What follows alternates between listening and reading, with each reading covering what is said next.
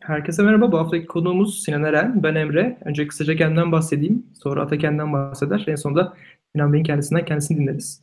Ee, Koç Elektronik mezunuyum. Şu an San Francisco'da işletme master yapıyorum. Ee, bu hafta Türkiye'den, Eskişehir'den katılıyorum. Ee, bu haftaki moderatörümüz de Ata. Ata da kendinden biraz bahsederse. Evet, teşekkür ederim. Ee, merhaba herkese, iyi akşamlar. Ben Ata Avlar. Ee, Sabancı Üniversitesi 2. sınıf Endüstri Mühendisliği öğrencisiyim. Ee, bu akşam moderatörlük görevini ben üstleneceğim. Ee, öncelikle Sinan Bey, çok teşekkür ederiz bizi kabul ettiğiniz için. Umarım çok güzel bir sohbet e, geçiririz sizinle. E, şimdi isterseniz sizle başlayalım. Siz kendinizi anlatın bize. Sonra da gelen sorular üzerinden devam edelim. Teşekkürler Ata. Zaman ayırdığınız için teşekkür ederim. Davet ettiğiniz için teşekkür ederim. Her şeyden önce ismim Sinan Eren. Kariyerim 97 döneminde ilk olarak Türkcell'le başladım. O zamanki ilk tutkum güvenlik üzerineydi. Bilgisayar güvenliği, network güvenliği üzerineydi. Ve iş bulma alanım da aslında iş bulma sebebim de o zaman ilginçti. Daha çok hobi üzerine konuya yaklaştığım dönemlerde kullandığım işte mailing listesi olsun ne bileyim o zamanlar Slack yoktu IRC diye IRC kanalları belki hatırlarsınız Microsoft'un IRC diye bir uh, tool'u vardı ya da işte uh, daha çok ICQ dönemi düşün yani o kadar geriye giden bir dönemde daha çok hobi üzerine başladığım dönemde kurduğum network üzerinden ilk işimi buldum. Bu Turkcell'deydi. Ondan sonra bir, bir iki yıl falan orada geçirdikten sonra İsrailli bir firmanın buraya Bay Area'ya yani Silikon Vadisi'ne transfer olmasıyla beraber onlarla olan tanışıklığım, ilişkilerim sayesinde ben de ilk defa Amerika 2000, 2001, 2000 yılı sonu 2001 yılı başında geldim.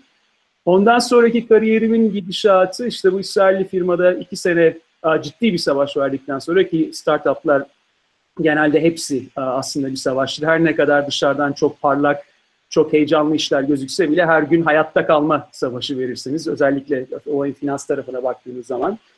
İki yıl bir uh, savaştan sonra uh, McAfee tarafından uh, satın alındı. Bugün Intel uh, Security diye bilinen o zamanın McAfee firması tarafından uh, Intercept denen İsrailli firma uh, satın alındı. Uzun hikaye sonuçta 15 uh, senelik bir uh, kariyer, 15 senedir buradayım. En son olarak uh, üç co-founder'ımla yani uh, iş ortağımla beraber kurduğum Remote Team şirketi 2013'te 2012 sonu 2013 başında kurduğumuz şirket 2015 itibariyle Avast firması tarafından satın alındı. Bugün de Avast'taki daha çok şirket güvenliği, bireyselden çok şirket güvenliğine dönük olan bölümde genel müdürlük yapıyorum ya da başkan yardımcılığı yapıyorum da diye tercüme edebiliriz. Bu şirketin bilmiyorum Avasta Türkiye'de gayet ciddi bir kullanıcı altyapısı var. O yüzden eminim ki duymuşsunuzdur. Fakat dünya genelinde 400 milyon tane PC, Mac veya Android veya iPhone gibi cihazlar üzerinde güvenlik hizmetleri veren bir şirketiz. Şirket ciddi oranda büyüyen, en büyük rakibi olan AVG'yi geçenlerde satın aldı bilmiyorum takip ettiyseniz. Şu anki yani consumer yani son kullanıcı güvenliği konusundaki en büyük şirket ve ciddi rakiplerimiz artık Amerika dışından mesela Çin'den geliyor. Amerika'dakilerin hepsi artık bizim için ufak rakipler olmaya başladılar.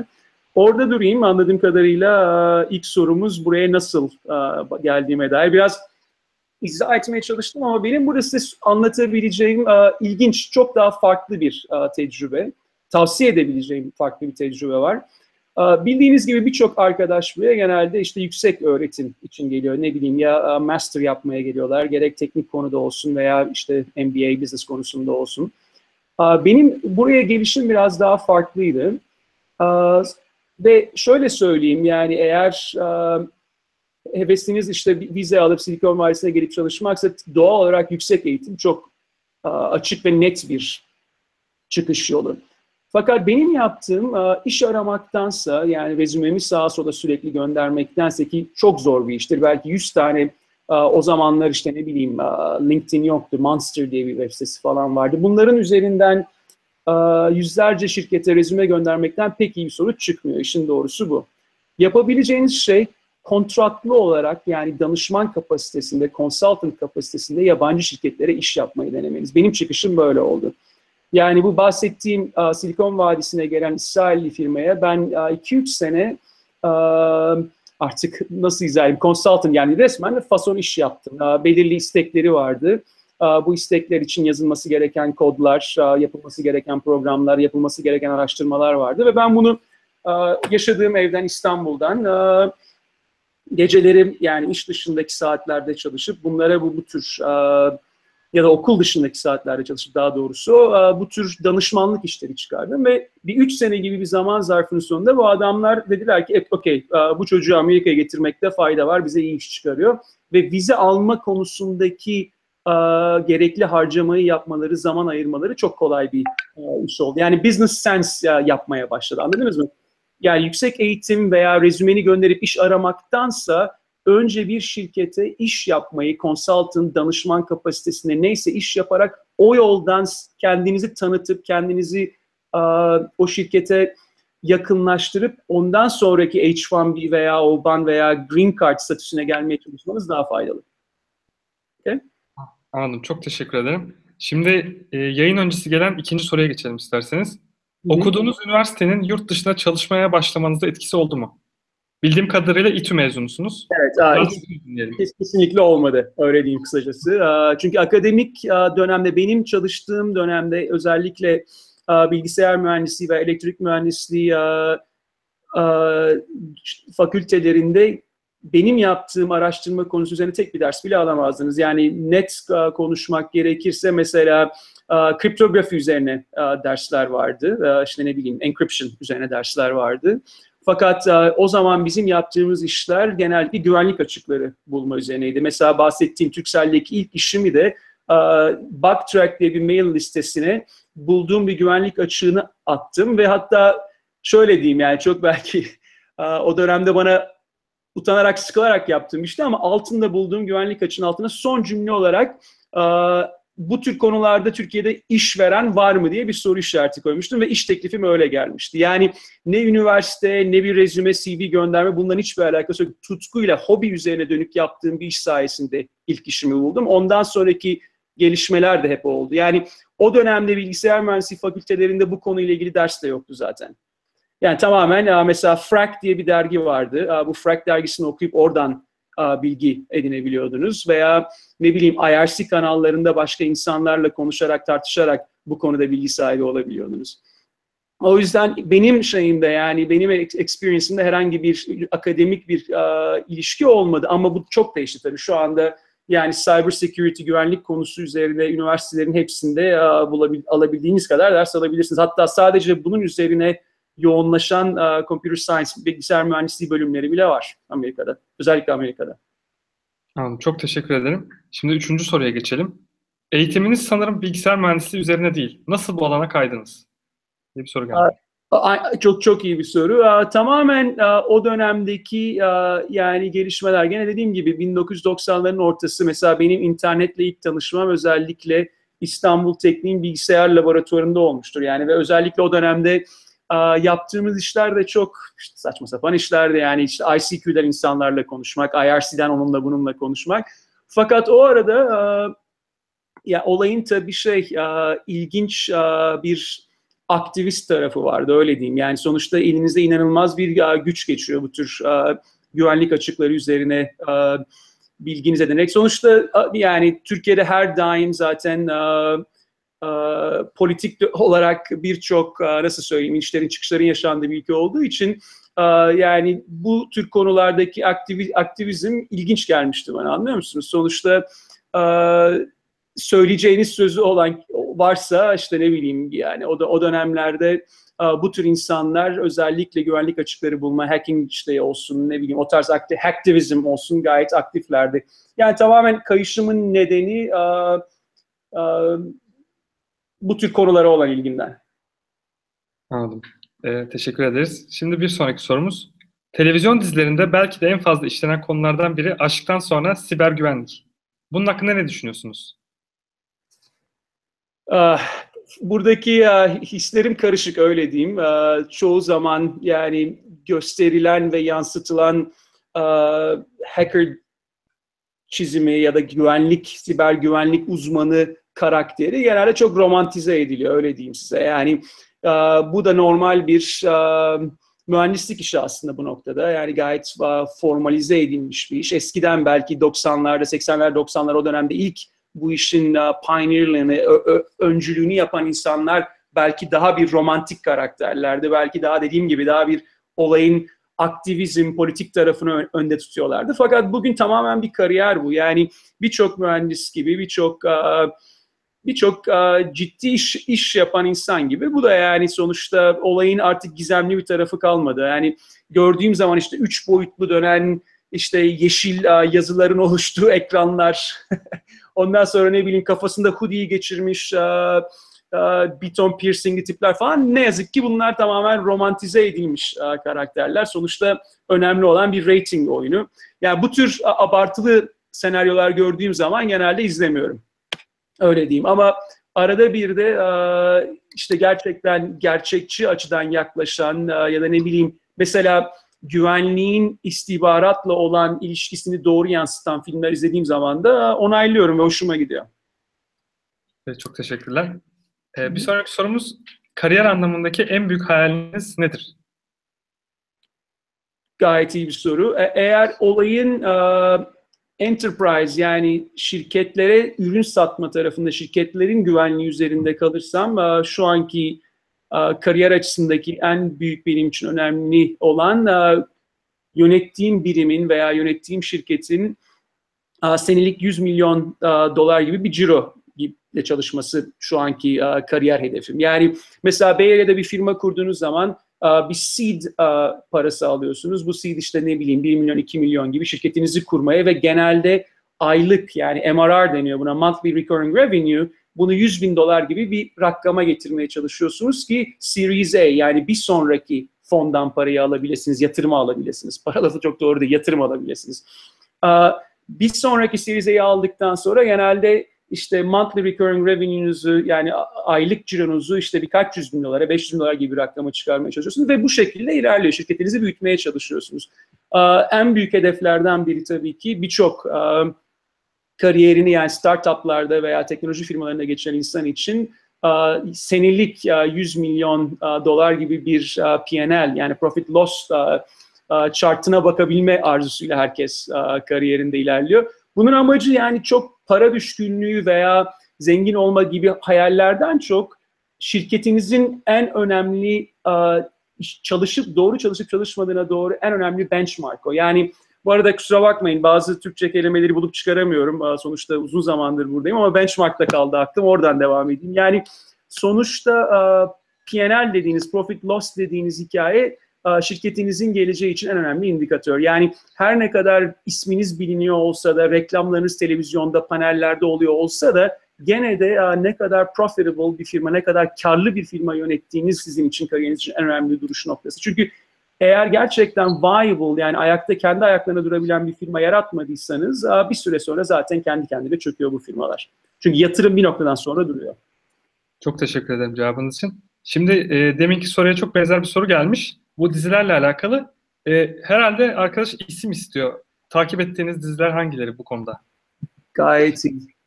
Uh, Mr. Robot'u izleyemedim. Birkaç episoddan sonra aynen da dediğim gibi yani abartmaya başladı. İlk başta çok iyi gidiyordu açıkçası. Uh, gerçekçiydi. Yani uh, season, birinci sezon en azından başarılı. Mr. Robot. Severek izlediğim, okey. Şöyle diyeyim, kariyerim için belki de yani bu hani ee, belki işte hobi, politik nedenler falan dedim ama Ghost in the Shell e, serisi, bu animedir aslında, inanılmaz başarılı. Ee, yani onu tavsiye ederim. Hem filmini, e, iki ya da üç tane filmini yaptılar. Gerçi birincisi en önemli. Ee, ondan sonra da televizyon serisi olarak Ghost in the Shell inanılmaz başarılı e, bir anime bu konuda ve gerçekçi. Çok teşekkür ederim. Ee, sıradaki sorumuz Türkiye ve oradaki şirket kültürlerini karşılaştırabilir misiniz? Deneyebilirim ama ne yalan söyleyeyim Türkiye'de sadece iki sene e, çalıştım. Yani üniversiteden çıkar çıkmaz hatta tam çıkmamıştım bile hala son sınıfı okurken Türksel'e girdim.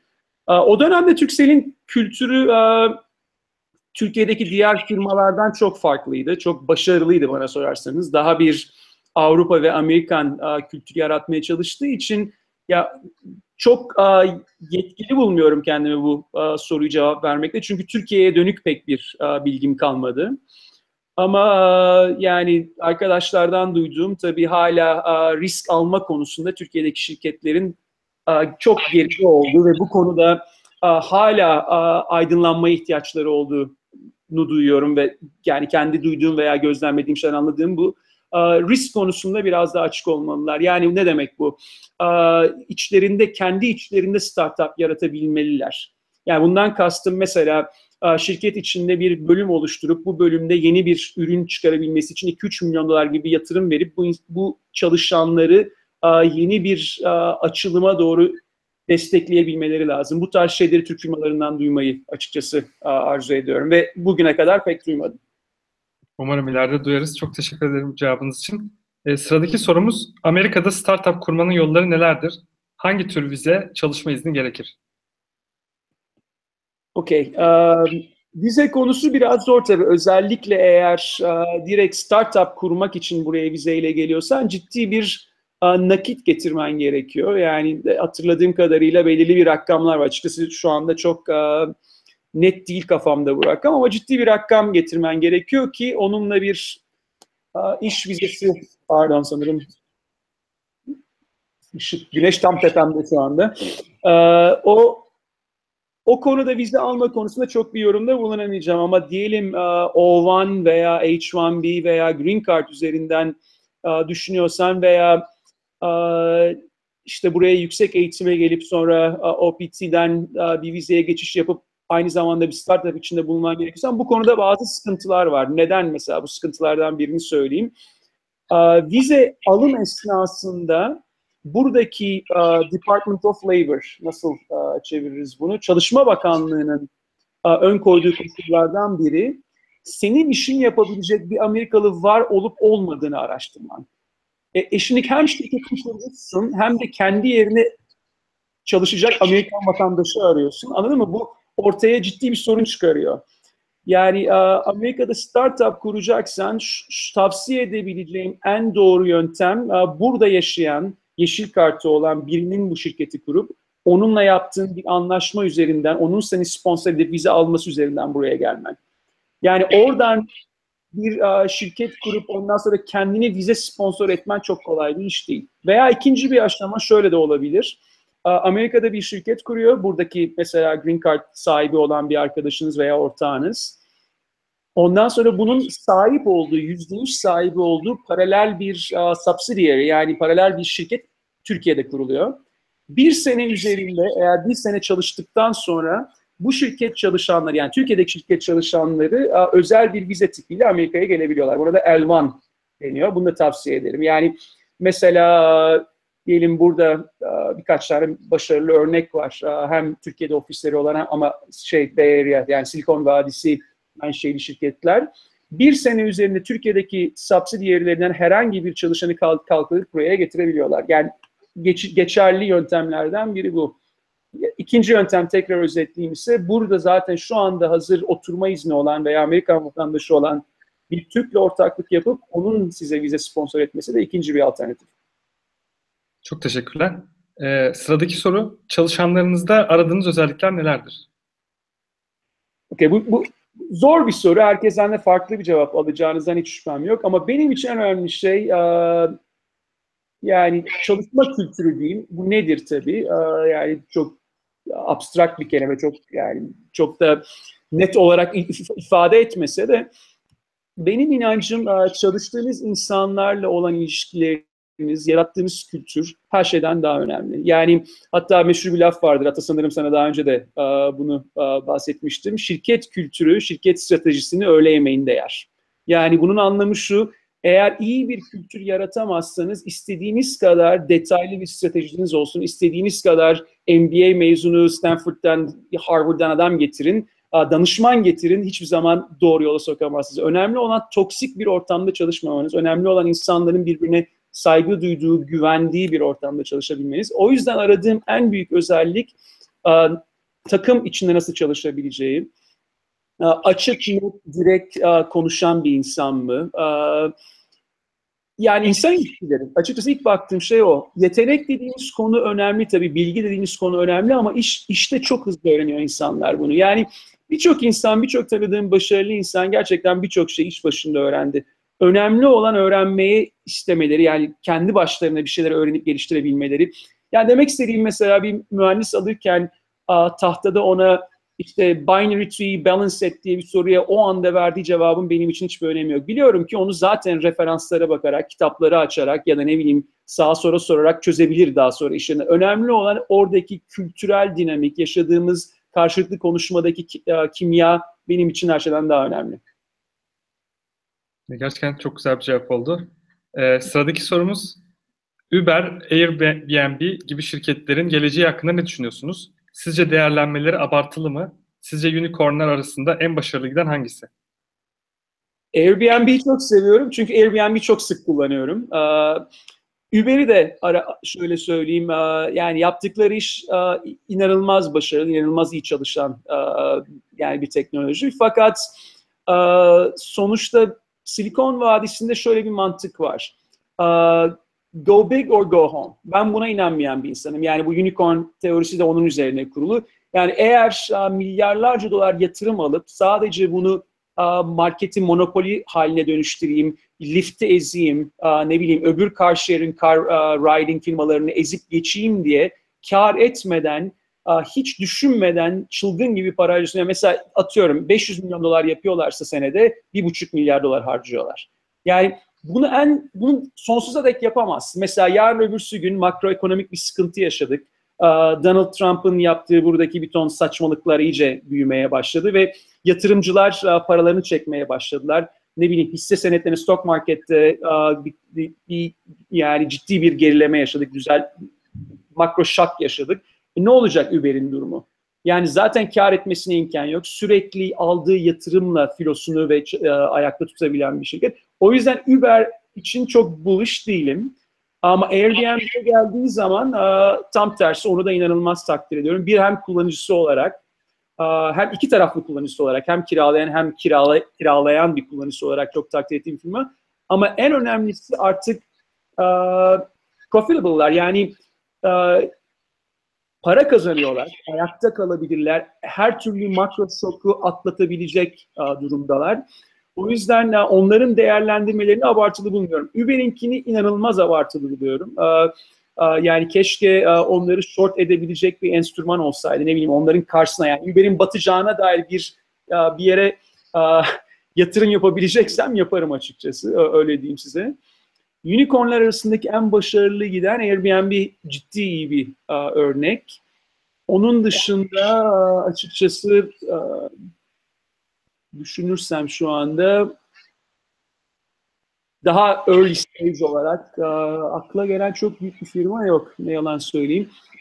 Twilio'yu uh, seviyordum ama Twilio zaten IPO oldu. Zaten halka açıldı. O yüzden o da artık uh, unicorn'dan çok artık public bir firma. Okay, devam edelim. Çok teşekkür ederim. Şimdi sıradaki sorumuz, startup kurarken karşılaştığınız zorluklardan bahsedebilir misiniz? Bu o kadar uzun bir liste ki buradaki ya, zor, en en uh, zor cevap verilebilecek tarafı hangisi daha zordu? Yani zorluklar içinde en zor olanı hangisiydi? uh, Okey. Sonuçta yaşayabileceğiniz en büyük zorluklardan biri tabii en başta her zaman finans olacak. Yani sonuçta şirketin belirli bir market product market fit dedikleri hikayeyi bulduktan sonra büyümesi gerekiyor. Ama product market fit yani bir ürünün var, bir fikrin var. Götürüp bu fikri müşterilerinle eğer müşterilerin ne bileyim ticari kuruluşlarsa ticari kuruluşlarından 3-5 tane referans belki para ödemeyen ama en azından sonra referans olabilecek müşteri yaratmak. İlk en büyük zorluklardan biri bu. Yani kafanda bir fikir var, götürüp bunu seni dinleyecek, seni anlayacak, 3-5 tane destek verebilecek büyük firma çalışanı bu. Yani mesela olayın IT tarafı diyelim 3 ya da 5 tane referans olabilecek IT müdürü gidip bulmak. İnanılmaz zor bir iş. Yani tahmin ediyorum Türkiye'de daha daha zor bir iş. Çünkü genelde herkes büyük firmadan bir şey alma yanlısı. Herkes işte sen yani senden bu ürünü alıp kullanırsam ne kadar ayakta kalacaksın, iki sene sonra burada olacak mısın? Genelde duyduğun en sık sorulardan biri bu.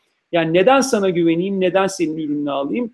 Bunu atlatabilmek için de gerçekten kategori define edebilecek, kategori geliştirebilecek yeni bir ürün piyasaya çıkarman gerekiyor. Bu da kolay bir iş değil, zor bir iş ama ilk senin sana inanan, sana güvenen insanları bulabilmek en zor işlerden biri. Hadi onu başardın, 3-5 tane referansın oldu. Bundan sonra olayın finansman tarafı zor oluyor. Yatırımcıların karşısına çıkıp kendini izah edebilmen, takımının neden iyi bir takım olduğunu, yaptığın ürünün neden ihtiyaç olduğu veya müşterilerini 3-5 referanstan 30 tane müşteriye, 50 tane müşteriye, 100 tane müşteriye nasıl çıkarabileceğini izah etmen ve sürekli finansman peşinde koşman o da o da ciddi bir zorluk. Onun dışında tabii ilk etapta insanlar yani takım çalışanları yorulacaklar. Burnout diye bir terim vardır. Yani o kadar gece gündüz çalışma üzerine bazıları havluyu atmak bile isteyebilecek. Onları motive etmek, onları hala hedefi veya kafanızdaki hayali onları sürekli izah edip onları sürekli uh, o yüksek tempoda tutabilmek de önemli zorluklardan biri. Um, ama dediğim gibi belirli bir noktadan sonra 3-5 referans, uh, belirli bir miktar seed parası aldıktan sonra zaten önünde bir yılla 18 ay, bir buçuk yıl gibi bir dönem var. O dönemde neyi kanıtlıyorsan kanıtlıyorsun, ne büyük zorluklar yaşıyorsun o dönemde yaşıyorsun. Onun sonunda gerçekten tünelin ucundaki aydınlık hesabı e, gittikçe kolaylaşmaya başlıyor hayatın. Yani eğer bir startup kuracaksan en önemli şey daha kağıt üzerine hiçbir şey kormadan e, market research'ini yani araştırmanı iyi yapman. Bunu da internette search yapacağına yani oturup Gartner'ın ya da ne bileyim Forrester'ın raporlarına bakıp fikir edineceğine insanlarla konuşarak yapmanızı tavsiye ederim. En büyük yani en büyük zorluklarınızdan biri doğru referansları bulabilmek olacak. Bunu yapmak için de e, ilk başta e, bu referans insanlarla başlayıp onların onlarla konuşup onların e, ihtiyaçları üzerine bir ürün kurmanız, bir startup kurmanız her şeyden daha önemli. Evet, çok teşekkür ederim. Benim e, hep kafamda e, bir soru işareti oluşuyor bu konuyla ilgili. Şimdi e, sizce hani siz hem Remotium'da kendi işinizin başınızdaydınız hem de şu an Avast'ta hani Avast'ın altında çalışıyorsunuz. E, buradaki ikilem nasıl oluyor? Kendi ha, tamam bekliyorum.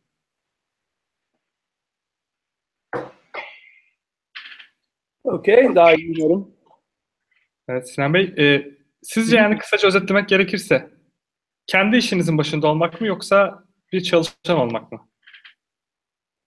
İkisinin de avantajları var tabii. Mesela yani çok biraz önce bahsettiğim finansman peşinde koşmak. Remotium'da kendim CEO iken, kendim şirketi yönetirken ürün hakkında çok az bilgim olduğu bir döneme doğru gidiyordum. Anladınız mı? Yani sevdiğim, severek şey daha az, az zaman ayırabildiğim işler oluyordu. Yani ürünü hakkında en ufak bir bilgi sahibi değilim. Tamamen işte ürünün product manager'ları veya işte engineering grubunun liderleri ürün üzerinde artık yüzde yüz hak sahibi veya geliştirme konusunda onlar tamamen fikir sahibi oluyorlar. Benim tek yaptığım iş finansman bulmak ya da ne bileyim müşterilerin karşısında aynı prezentasyonu tekrar ve tekrar ve tekrar belki 10 bin kere aynı PowerPoint slide'ını anlatmak.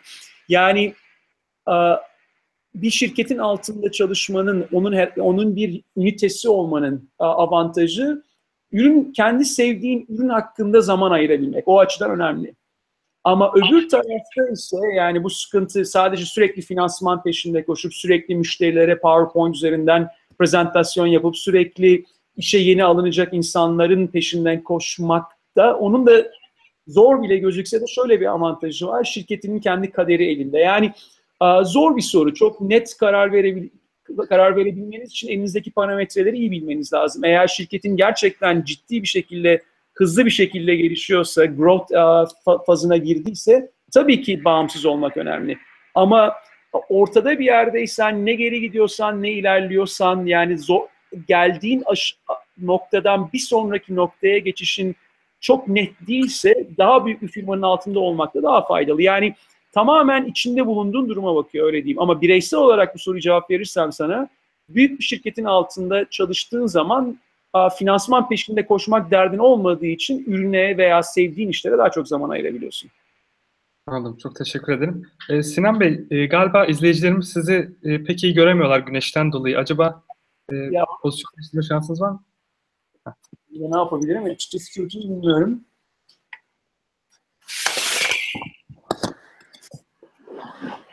Böyle çok güzel oldu. Okey. Ee, şimdi sıradaki sorumuzu okuyayım isterseniz. Az önce binary tree'yi balans etme sorusu sormuyorum dediniz. Ama bizim alandaki en büyük firmalar Google, Facebook, Amazon gibi firmalar bu tarz sorular soruyorlar. Onların işe alış stratejileri sizce yanlış mı? Yanlış olduğunu söylemek istemedim. Yani benim a, işe alım konusunda sorabileceğim tabii sonuçta mühendislikten olan insanlar bir ton soru sorduklarına eminim. Ama a, önemli bir soru. Bundan şöyle cevap vereyim. Yanlış değil tabii ki. Yani yaptıkları onlar binlerce insan işe aldıkları için a, belirli bir standarta, belirli bir formata sokmaları gerekiyor doğal olarak sordukları soruları veya işe alım a, proseslerini.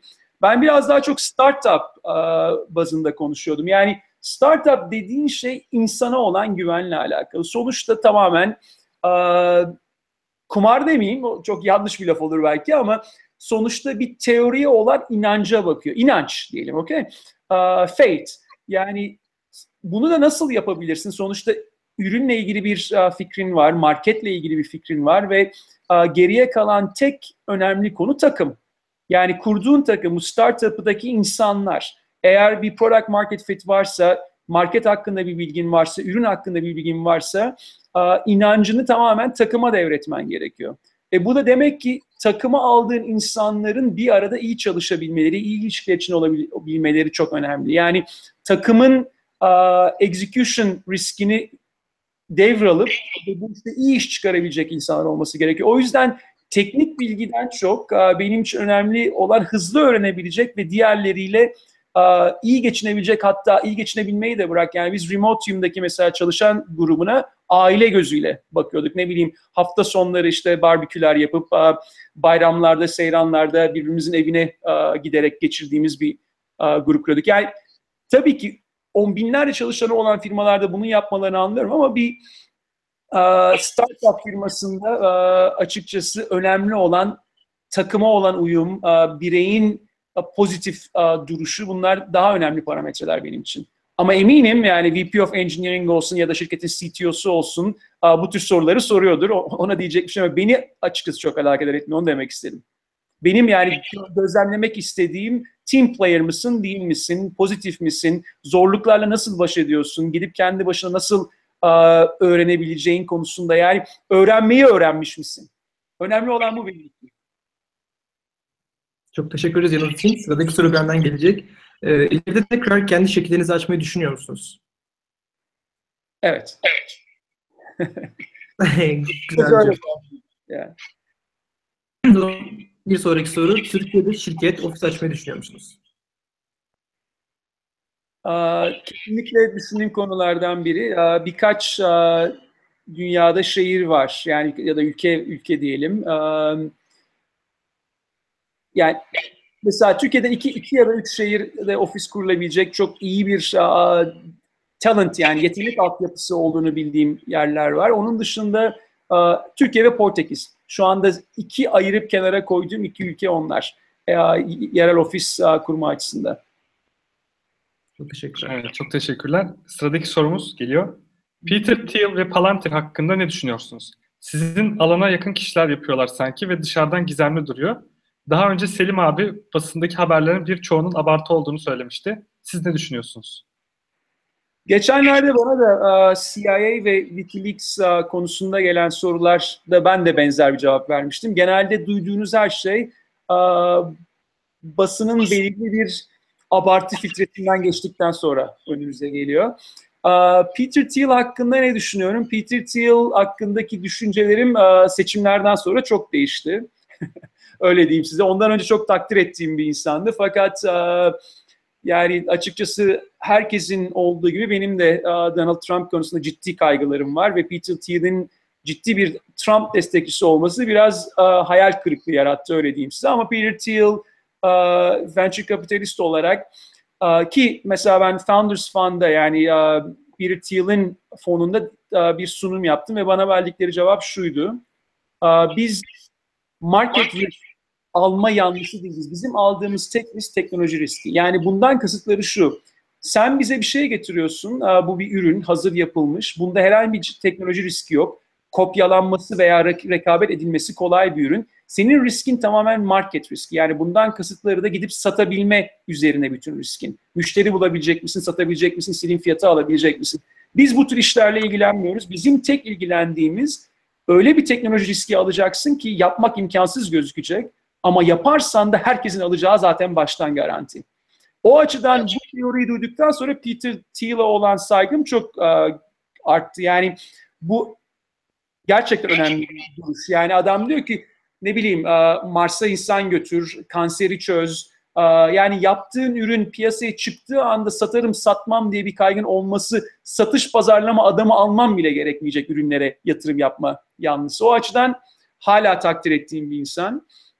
Abartı konusuna gelince evet abartılı birçok hikaye var. Yani mesela tanıdığım işte tıp üzerine tıp doktor arkadaşlarım var. Onlar da mesela bazen tıpla ilgili haberleri gördükleri zaman New York Times ya da Washington Post gibi çok saygı duyulan gazeteler bile olsa ne kadar abartmışlar, ne kadar ucunu alıp çekiştirip götürüp başka yerlere koymuşlar diye eleştiriyorlar. Ben de aynı şeyi ne zaman güvenlikle, cyber security ile ilgili bir haber görsem her zamanki ilk tepkim ulan gene şey sansasyonel hale getirmek için gene lastik gibi uzatmışlar oluyor. Yani Selim kesinlikle haklı bu konuda.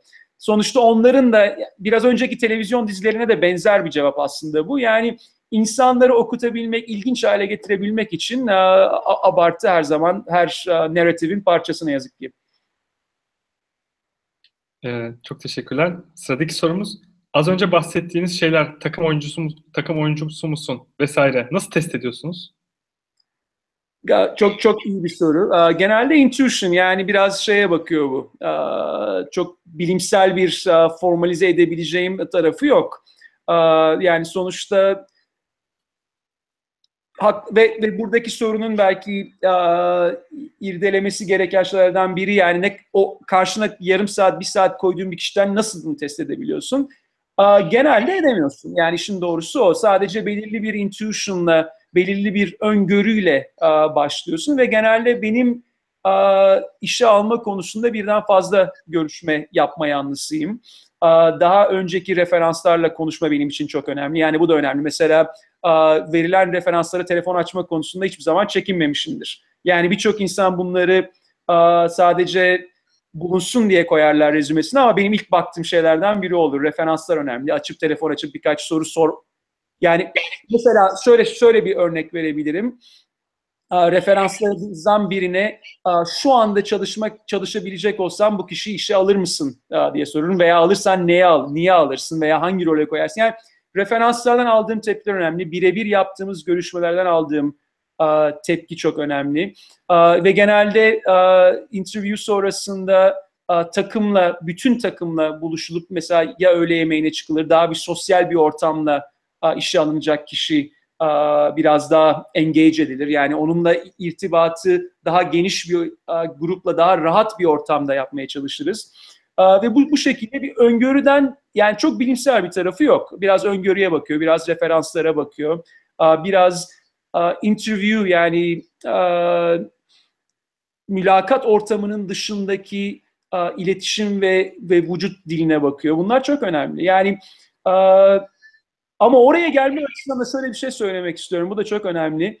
Mesela Remotium'daki en önemli çalışanlarımdan birini, yani ürünün en büyük katkı olan çalışanlarından birini internetteki referansları yani GitHub üzerine koyduğu projelerinden buldum. Okay?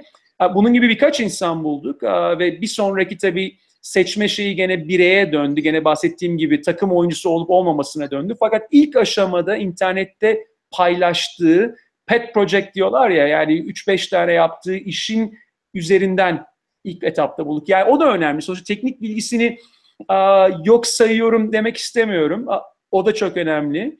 A, fakat o benim evüle ettiğim bir konu değil. O benim çok artık bu noktadan sonra anlayabileceğim, iyi benchmark edebileceğim bir konu değil. O VP of Engineering'in, CTO'nun yaptığı bir iş. Benim şu anki tek önemli karşıma oturan insanın bir öngörü geliştirip yani geçmişimden, tecrübelerimden kalan bir öngörüyle bir sonraki noktaya aşamaya gelip gelebileceğimizi tartmak.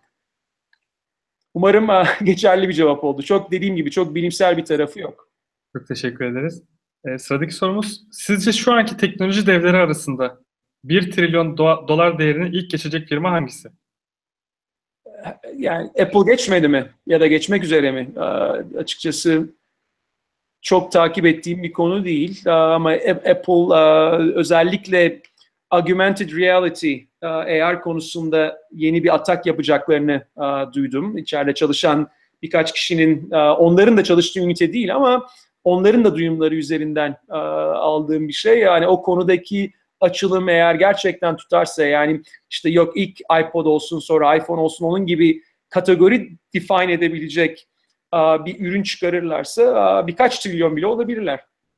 Sonuçta yani düşün iPhone'un ilk piyasaya çıktığındaki yarattığı paradigm değişikliği ya da yani Nokia'nın telefonlarından birden iPhone'a geçişimiz o oradaki o yaşanan değişimi augmented reality ile yaratırlarsa öyle inanılmaz şok edici başarılı bir şey çıkarırlarsa neden yani belki 10 trilyon belki 100 trilyon bile olabilirler hiç hiç şüphe duymuyorum.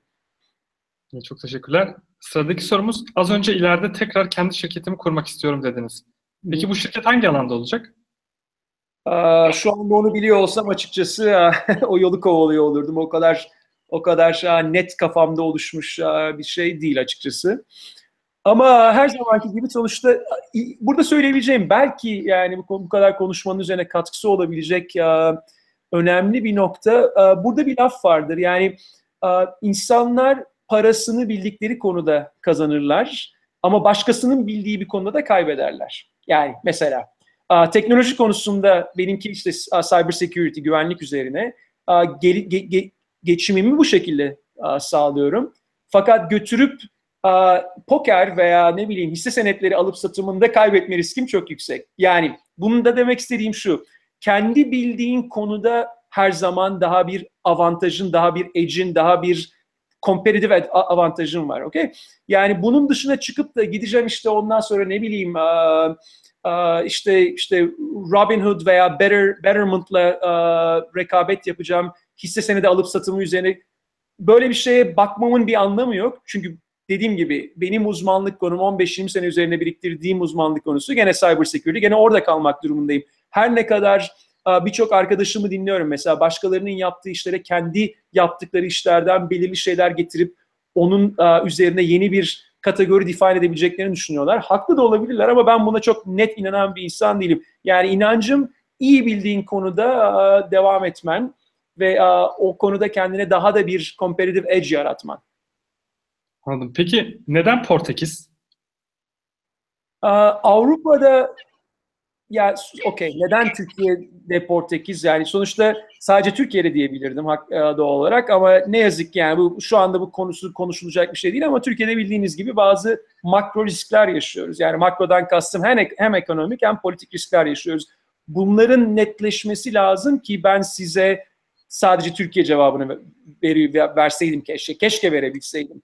Yani yabancı paranın Türkiye'ye giriş çıkışı olsun, buradaki yatırımcıların Türkiye'ye bakışı, bu şu anki havada olan soruların, e, politik risklerin, makro risklerin ne yazık ki e, tekrar sakinleşip e, güncel yani güncel hayatta risk yaratabilecek durumdan çıkması lazım. Portekiz'e gelince Portekiz'de bunlar yok, bu tür sorunlar yok ve Avrupa'daki en yaşanabilir yani fiyat olarak mesela ya devlet devlet devletin koyduğu işte vergi olsun ya da şirket kurumu ile ilgili olsun sıkıntıları en az olduğu ülkelerden biri. Yani şöyle diyeyim teşvik çok yüksek, devlet teşviki çok yüksek. İkincisi bütçeniz yeter Portekiz'e yani o çok önemli. Ödeyeceğiniz maaştan kiralayacağınız ofise kadar hepsi çok makul diğer Avrupa ülkelerine göre ve barış içinde olan bir ülke. Yani biraz önce söylemeye çalıştığım politik ve makro riskler Portekiz'de yok. Şimdi bir ton öyle ülke var. Neden Filipinlere gitmiyorsun diyebilirsin. Neden ne bileyim Tayland, Çin, Hindistan'a gitmiyorsun. Orada bütün bu politik sorunlar her gün yaşanıyor. Ne yazık ki Türkiye ülkemizde de yaşanıyor. Yani bunların var olduğu bu tür politik sorunların ve makroekonomik risklerin olduğu ülkelere yatırımın girmesi çok da kolay değil ne yazık ki. Anladım. Çok teşekkür ederim. E, sıradaki sorumuz, Türkiye'de bugün üniversite sınavlarına girseniz hangi bölümü seçerdiniz? Peki ve ek olarak sizce geleceğin mesleği ne? Ya üç tane a, çocuğum var. Yani onlar için her gün düşündüğüm a, bir konu. Gerçi çok küçükler. A, ikiz kızlar 4 yaşında, oğlum 6 yaşında. Düşünmek için bir 10-15 senem daha var ama gene de a, sık düşündüğüm bir konu. Ve a, açıkçası a, yani teknoloji sektörü dışında şu anda başka bir şey öngörmem mümkün değil. İkinci bir öngöreceğim bir şey var. Teknoloji ve tarımın buluştuğu nokta. Okey ne alaka diyeceksiniz. Yani tarım mühendisliğini oku. Tam olarak onu demiyorum ama mesela şu anki yani yiyecek sıkıntısı her zaman olacak. Sonuçta dünyadaki politik veya makroekonomik durum ne olursa olsun hepimizin bir şey yemesi lazım öyle değil mi? Sonuçta düşük mesela geçenlerde gördüğüm bir startup yaptıkları şey tarlalara verilen suyun IoT cihazları yani connected cihazlar üzerinden takibi, efektif olarak dağıtımı yani teknoloji bilgisayar, e, elektroniğin tarım teknolojileriyle buluştuğu, gıda teknolojileriyle buluştuğu, buluştuğu ara bir çizgi, oradaki bir e, kariyer bence çok geçerli. Yani yeni gıda tiplerinin geliştirmesi olsun. E, bu arada yani DDO'ları destekliyorum anlamında bakmayın buna. Or, oradaki oradaki duruşum çok daha farklı ama söylemek istediğim yani daha efektif, optimize edilebilecek işler bulmanız. Yani okey net örneği IT konusuna geldiğin zaman her yeni çıkan IT firması bir önceki bir problemi alıp onu biraz daha optimize etmeye çalışıyor. Gıdaya baktığın zaman o kadar çok optimize edilebilecek iş var ki teknoloji kullanarak. O yüzden orası orasını çok geçerli bir alan olarak görüyorum ve e, biraz önce Peter Thiel'den bahsettim. Market riski olmayan bir iş bu. Eğer doğru yaparsan herkesin alacağı bir şey gıda. Öyle değil mi? Sonuçta tamamen teknolojiye bakan bir şey. O yüzden kariyerinizi seçeceğiniz zaman mutlaka olayın computer science, elektronikle olan bir yerden bir teğet geçmesi gerekiyor. Fakat hangi alan daha iyi optimize edilebilir onu düşünmeniz çok önemli. Ben e, şimdi sıradaki soruyu okumadan önce ben bir şey sormak istiyorum. E, şimdi mutlaka hani kariyerinizde Amerika'ya gelmeden önce geldikten sonra mutlaka hani hatalar yapmışsınızdır. E, şunu sormak istiyorum. Bu hatalar olmasaydı siz siz olur muydunuz? E, bunu sorma amacım da şu. İzleyicilerimiz bir de sizin gibi kariyerli, başarılı bir insanın ağzından duyunca mutlaka daha etkili olur. Yani bunu cevaplarsanız çok sevinirim. Tabii ki. Yani hatanın haddi safhası yok öyle diyeyim sana. Tabii şey yani bu, bu zaten biraz da biraz önce de işte basından, televizyondan falan konuştuk ama Bildiğiniz gibi duyduğunuz, gördüğünüz şeyler genelde hayatta belirli bir başarıya geldikten sonra duyup gördüğünüz şeyler. Yani kimse oturup da işte nasıl battım, nasıl işte yaptığım iş tutmadı bunlardan bahsetmiyor. Nedense sanki şey bir utanılacak, sıkılacak bir şeymiş gibi genelde örtbas ettiğiniz bir sonraki şirketi kurup yeni bir kendinize narratif hikaye yaratıp bunları örtmeye çalışıyorsunuz. Halbuki düşünürsen eğer bütün başarılar başarısızlıklar üzerine kurulu. Yani kimse durduğu yerde altındaki altındaki nasıl söyleyeyim mezarlığı görmek istemiyor. O kadar çok gömülmüş fikir ve şirket var ki ama onlar olmasaydı sonuçta olayın yani evrimsel gelişmesi olmasaydı başarıdan bahsetmenin yolu da yok. O yüzden bireysel hatalar, yaptığınız yanlış işler karakterinizi geliştirdiği gibi aynı zamanda dünyaya olan bakış açınızı e, ve bir sonraki e, yaptığınız işlerde e, ilk neye yoğunlaşacağınız ya da mesela biraz önce konuştuk neden mesela benim için e, takım oyuncusu olmak çok önemli. Çünkü takım oyuncusu olmayanların çalıştığı bir ortamda, toksik bir ortamda çalışmış olmamdan dolayı söylediğim bir şey. Anladınız mı? Yani o felaketi yaşamış biri olarak benim için bu çok önemli. Yani bütün o yaşadığınız aksilikler, hatalar ve sorunlar bir sonraki kararlarınızda nasıl önem, kime ve neye önem verdiğiniz konusunda çok önemli ibareler oluşturuyor. Şöyle de söyleyeyim, sahip çıkın. Yani hatanıza, eksiğinize sahip çıkın ve bunu nasıl geliştirebileceğinizi düşünün. Yani mesela şu anda yaptığımız işlerden biri, okey belki soruları soranları dinleyenleri net olarak görmüyorum ama bir odada bir kitlenin karşısına çıktığınızı düşünün. Yüzlerce, binlerce insanın bir konferansta prezentasyon yaptığınızı ve iyi değilsiniz bu konuda. Ve ne bileyim kalbiniz çok hızlı atıyor, işte nefes alışınız hızlanıyor veya konuşurken aklınız başka yönlere kayıyor çünkü heyecanlısınız.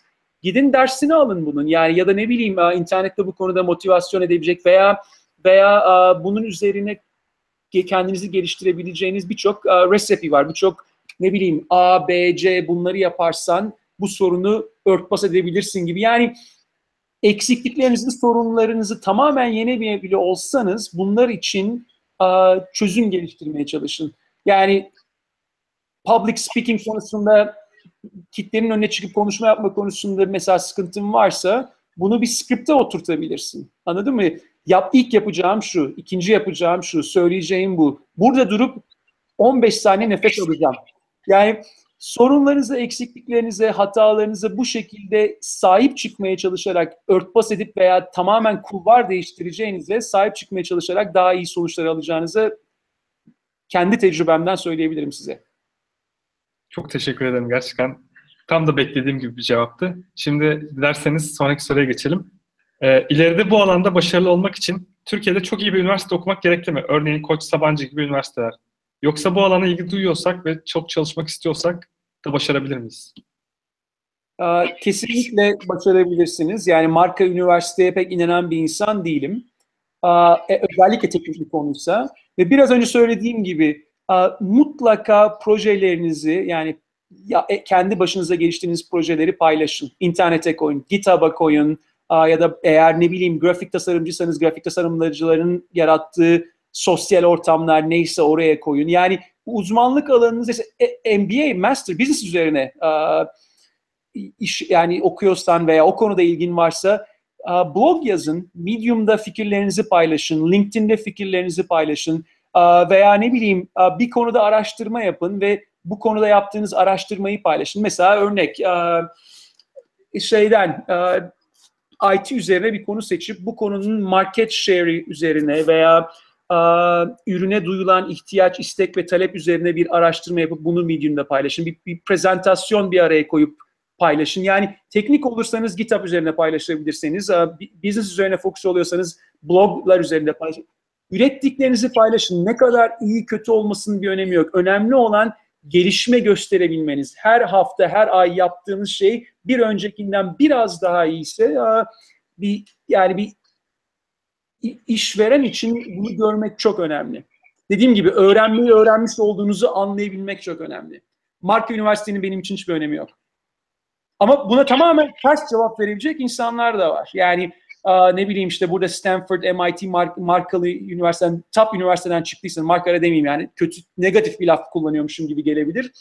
Büyük üniversiteden, iyi bilinen üniversiteden çıkıyorsan işe kesin alınırsın gözüyle bakan insanlar, yöneticiler de var ama ben bunlardan biri değilim öyle diyeyim senin uh, gelişmeni izleyebilmem, gerek bu işte dediğim gibi blog postların, Medium'a yazdığın şeyler, LinkedIn'e yazdığın şeyler olabilir veya GitHub'da paylaştığın örnek kod olabilir. Bunlar benim için çok daha iyi ibareler. Çok teşekkür ederim. Ee, sıradaki sorumuz, yurt dışı için Türkiye'den öğrencilere burs veriyor musunuz? Yurt dışında okumak ve çalışmak bilgisayar alanında mantıklı bir seçim olur mu? Ve bunu nasıl yapabiliriz diye sormuş Burak Ok. Uh, burs veren şirketler e, açıkçası çok iyi bilmiyorum. E, yani Avast'ın mesela bu konuda herhangi bir projesi burada yok. Fakat Çek e, Cumhuriyeti'nde var. Yani mesela Çek Cumhuriyeti'ne gidersen, oradaki üniversitelerinden birine gidersen ve özellikle işte STEM konusunda, işte bilgisayar mühendisliği konusunda okuyacaksan yapıyor. Ama dediğim gibi yani her her şirket için genelleştiremeyeceğim. Bunun cevabını çok iyi bilmiyorum mantıklı bir seçim olur mu? Ee, yurt dışında ya bu soruya verebileceğim cevap evet. İşin doğrusu net olarak konuşmak gerekirse tabii orada kalıp kendi startup'ını Türkiye'de kurmanı ve belki ondan sonra oradan işte branch edip Avrupa'ya veya Amerika'ya gelmeni de tavsiye edebilirim. Yani bunu da bunu da başarabilmen gurur verici bir şey olur. Ama dediğim gibi yani oradan eğer önün kapalıysa, alanın kapalıysa ki ülke çok uh, kalabalık, öğrenci sayısının çok olduğu, üniversitelerin az olduğu, girmenin zor olduğu yani yüzde bir, iki, üç kişinin iyi üniversitelere girebildiği bir durumda çıkıp, çıkıp başka alanlar ve bu illa Amerika değil bu arada.